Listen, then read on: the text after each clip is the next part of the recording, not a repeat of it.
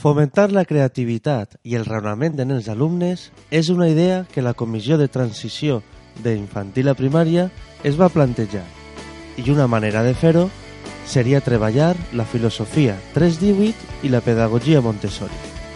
De açò i moltes coses més es van a parlar les mestres d'educació infantil Paqui Siscar i Júlia Bastida. Així comença un nou programa de ràdio en internet. Jo sóc Miguel Ángel i este és el Col·legi Azorín de Camp. I'm running in a prime time. Can see what we are. Now I know how I feel. Currently far Hola, Paqui. away. Bon dia, hola. I amb Júlia Bastida, també mestra d'educació infantil i que repeteix podcast perquè ella també va estar en el primer. Hola, Júlia. Hola, benvinguts.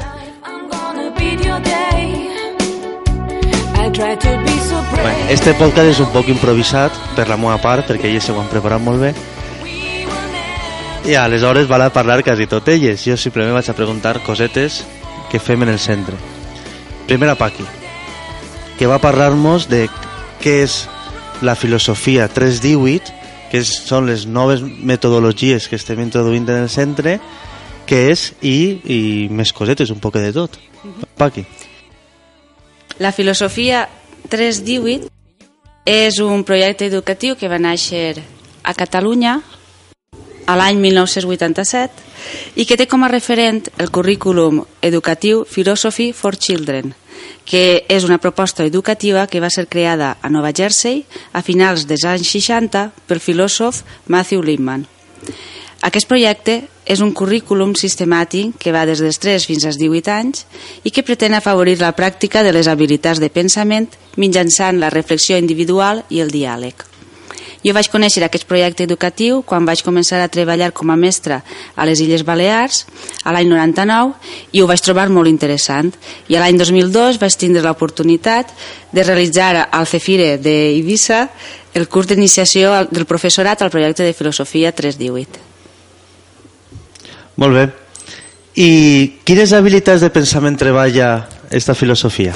Esta filosofia treballa quatre habilitats de pensament, que són les habilitats de recerca, les habilitats de conceptualització, les de raonament i les habilitats de comunicació i de traducció.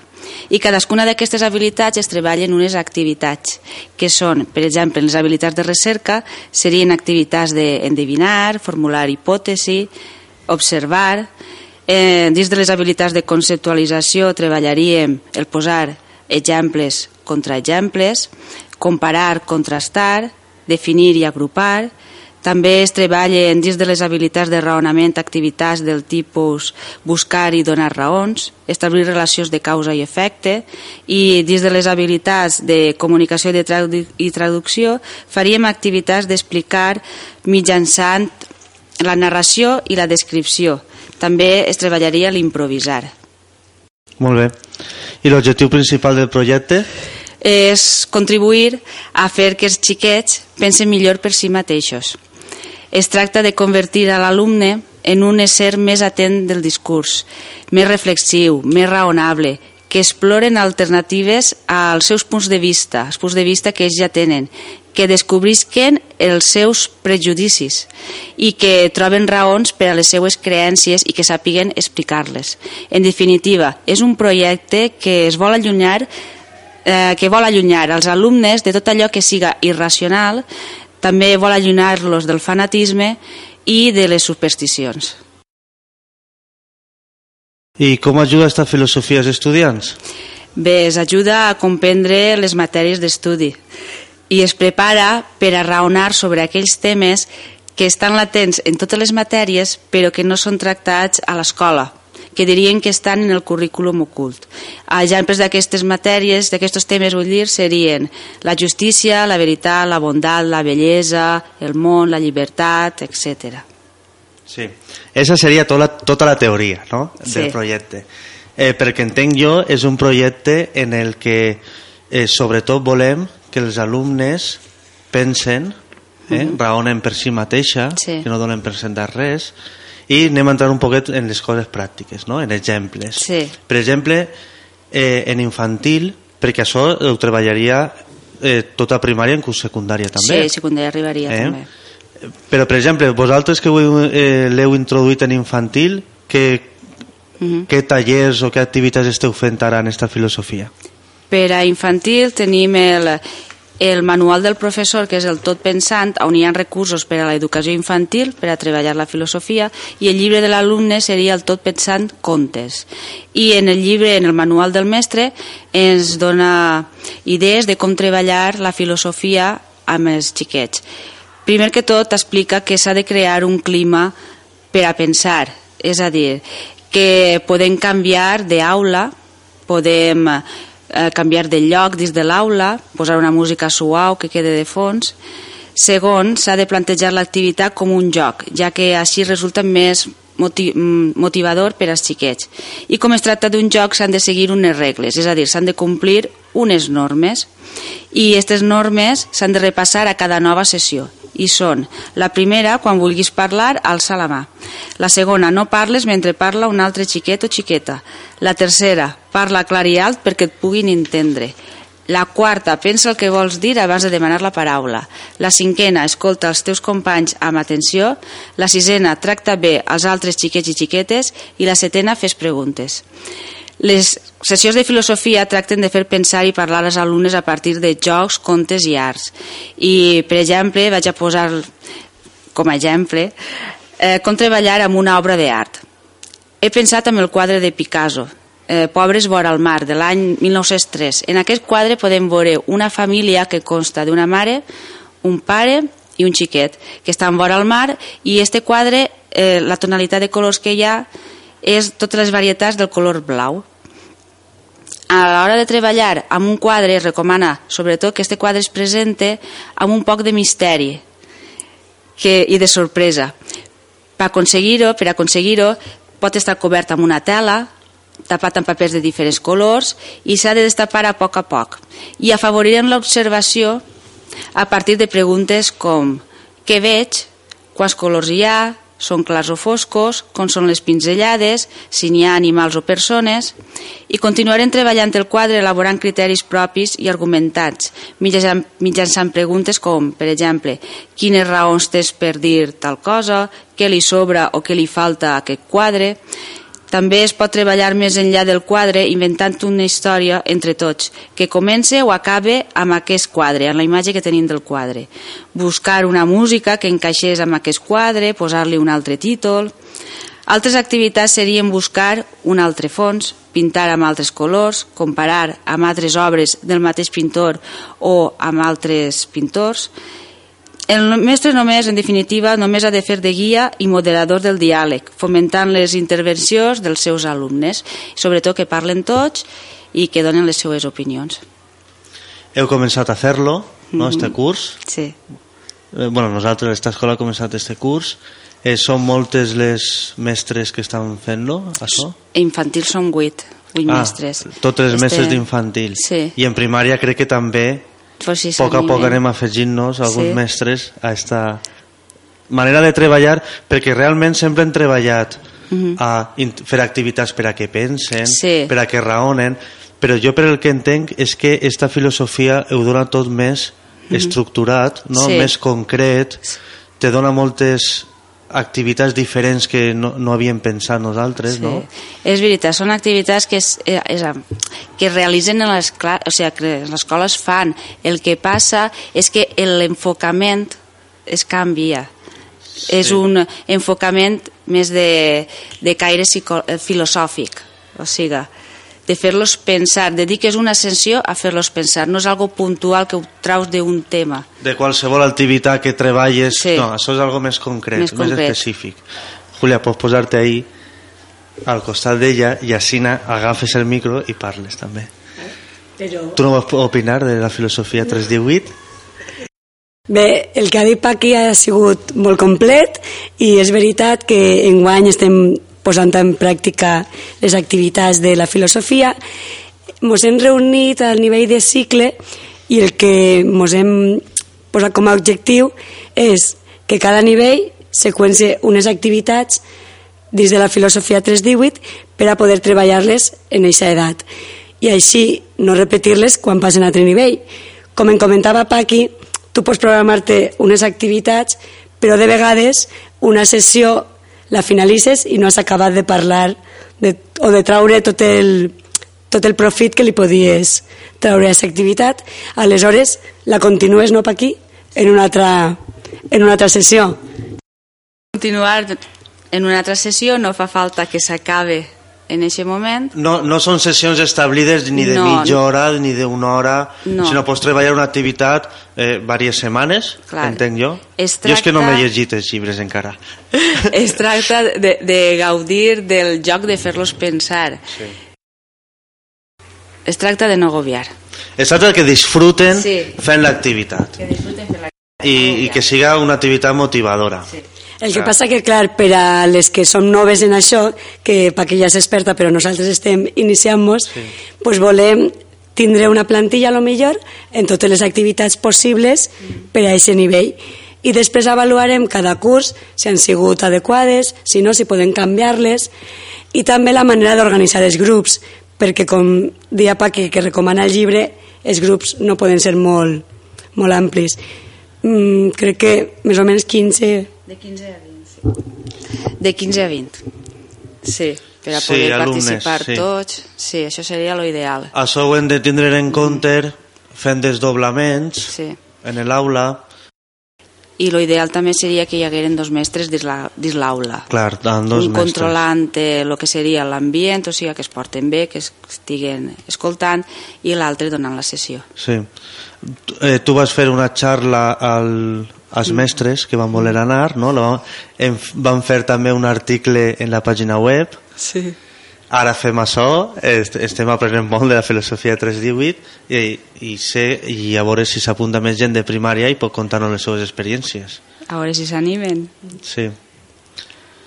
I si voleu ja passem, perquè no volem fer-lo molt llarg, perquè volem gravar moltes vegades més, és el que volia dir, que avui no anem a explicar-lo tot, no podem, és impossible. Portem ja uns 13 minuts. Eh, passem a parlar de Montessori, que també tenim molt de què parlar. Bueno, Julia, tu has començat en la metodologia Montessori este curs, el, eh, Sí, este curs estic intentant aplicar tot el que vaig aprenent perquè des de que el curs passat van crear la comissió de transició infantil a primària ens estem plantejant la introducció de noves metodologies a l'aula, deixar un poquet l'escola tradicional com a simple transmissió de continguts, que els xiquets puguen eh, crear el seu aprenentatge, el seu coneixement, i van començar un poquet a plantejar-nos si podíem aplicar metodologies com la filosofia 318, per exemple. Jo m'estic centrant un poquet en Montessori perquè m'està agradant molt i pense que se pot aplicar en l'aula d'infantil i també en la de primària i estic fent les meues primeres experiències.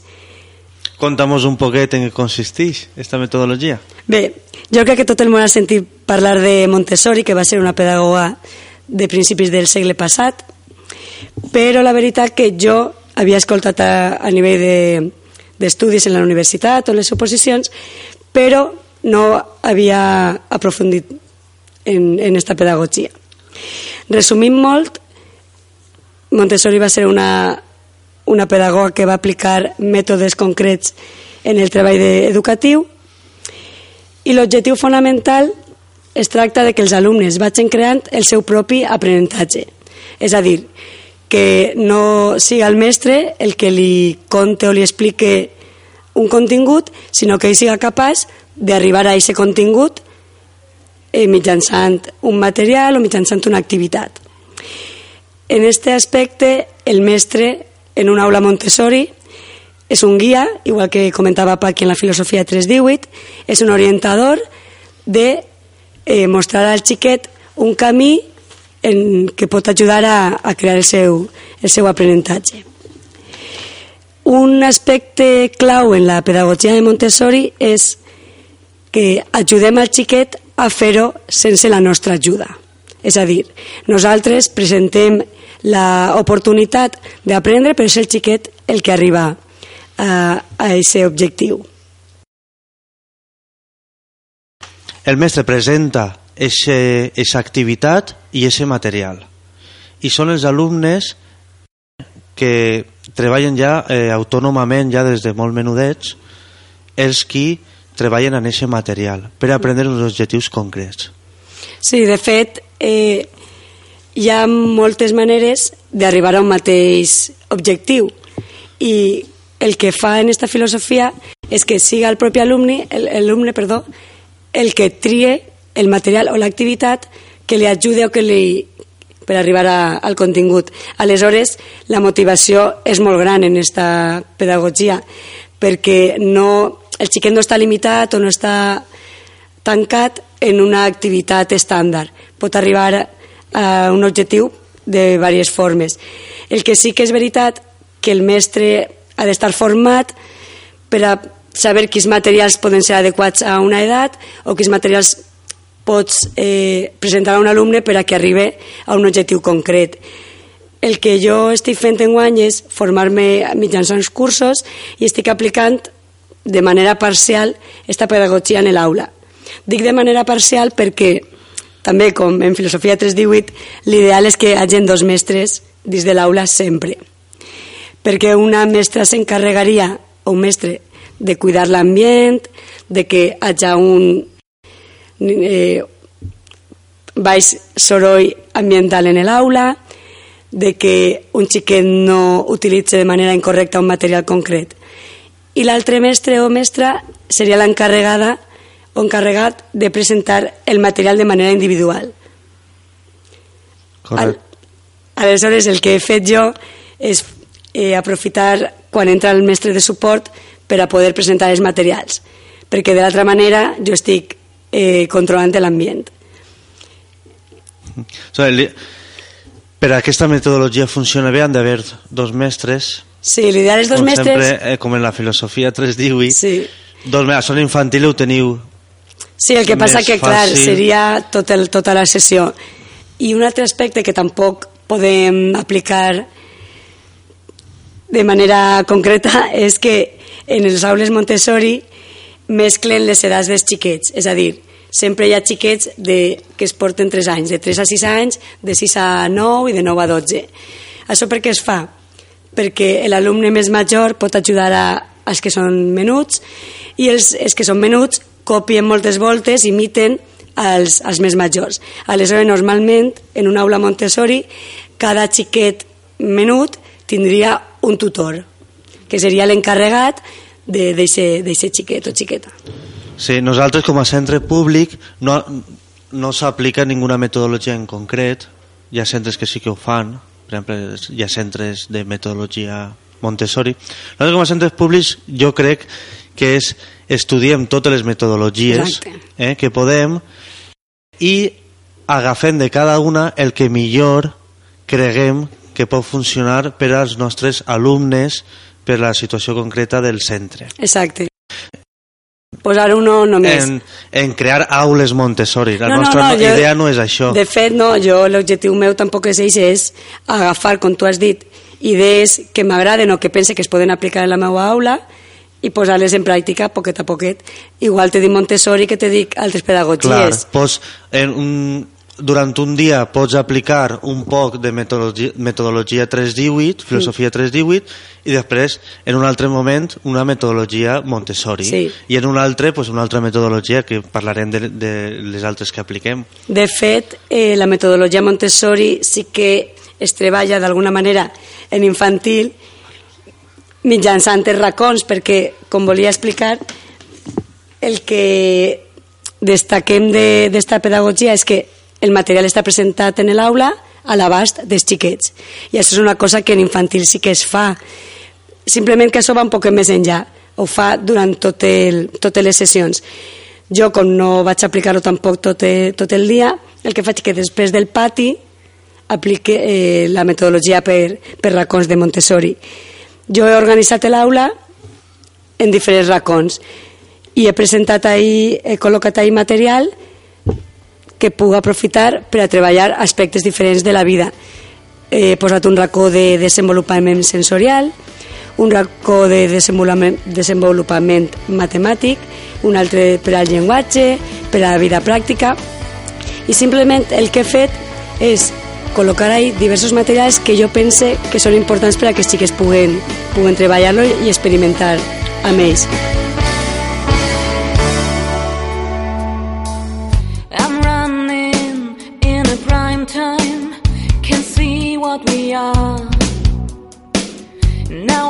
És un podcast d'aproximació perquè durant el curs no hem tingut l'oportunitat de gravar-ne més, la idea és gravar-ne més.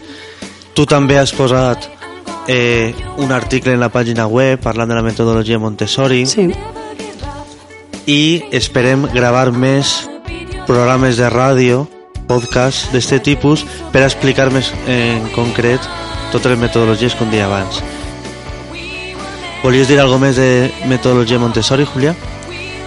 El que volia dir és que hi ha moltes metodologies que realment a voltes no són tan noves. Per exemple, la filosofia 318 la porten aplicant diversos centres en Catalunya i en les Illes Balears de fa un temps.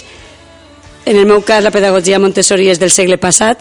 Hi ha moltes metodologies que pareix que siguen antigues però que realment són molt innovadores en l'aspecte educatiu i moltes voltes ens estem tancant en que l'educació és transmetre coneixements, una aula tancada, els xiquets asseguts en pupitres i estem perdent un poquet l'aspecte pràctic de l'educació.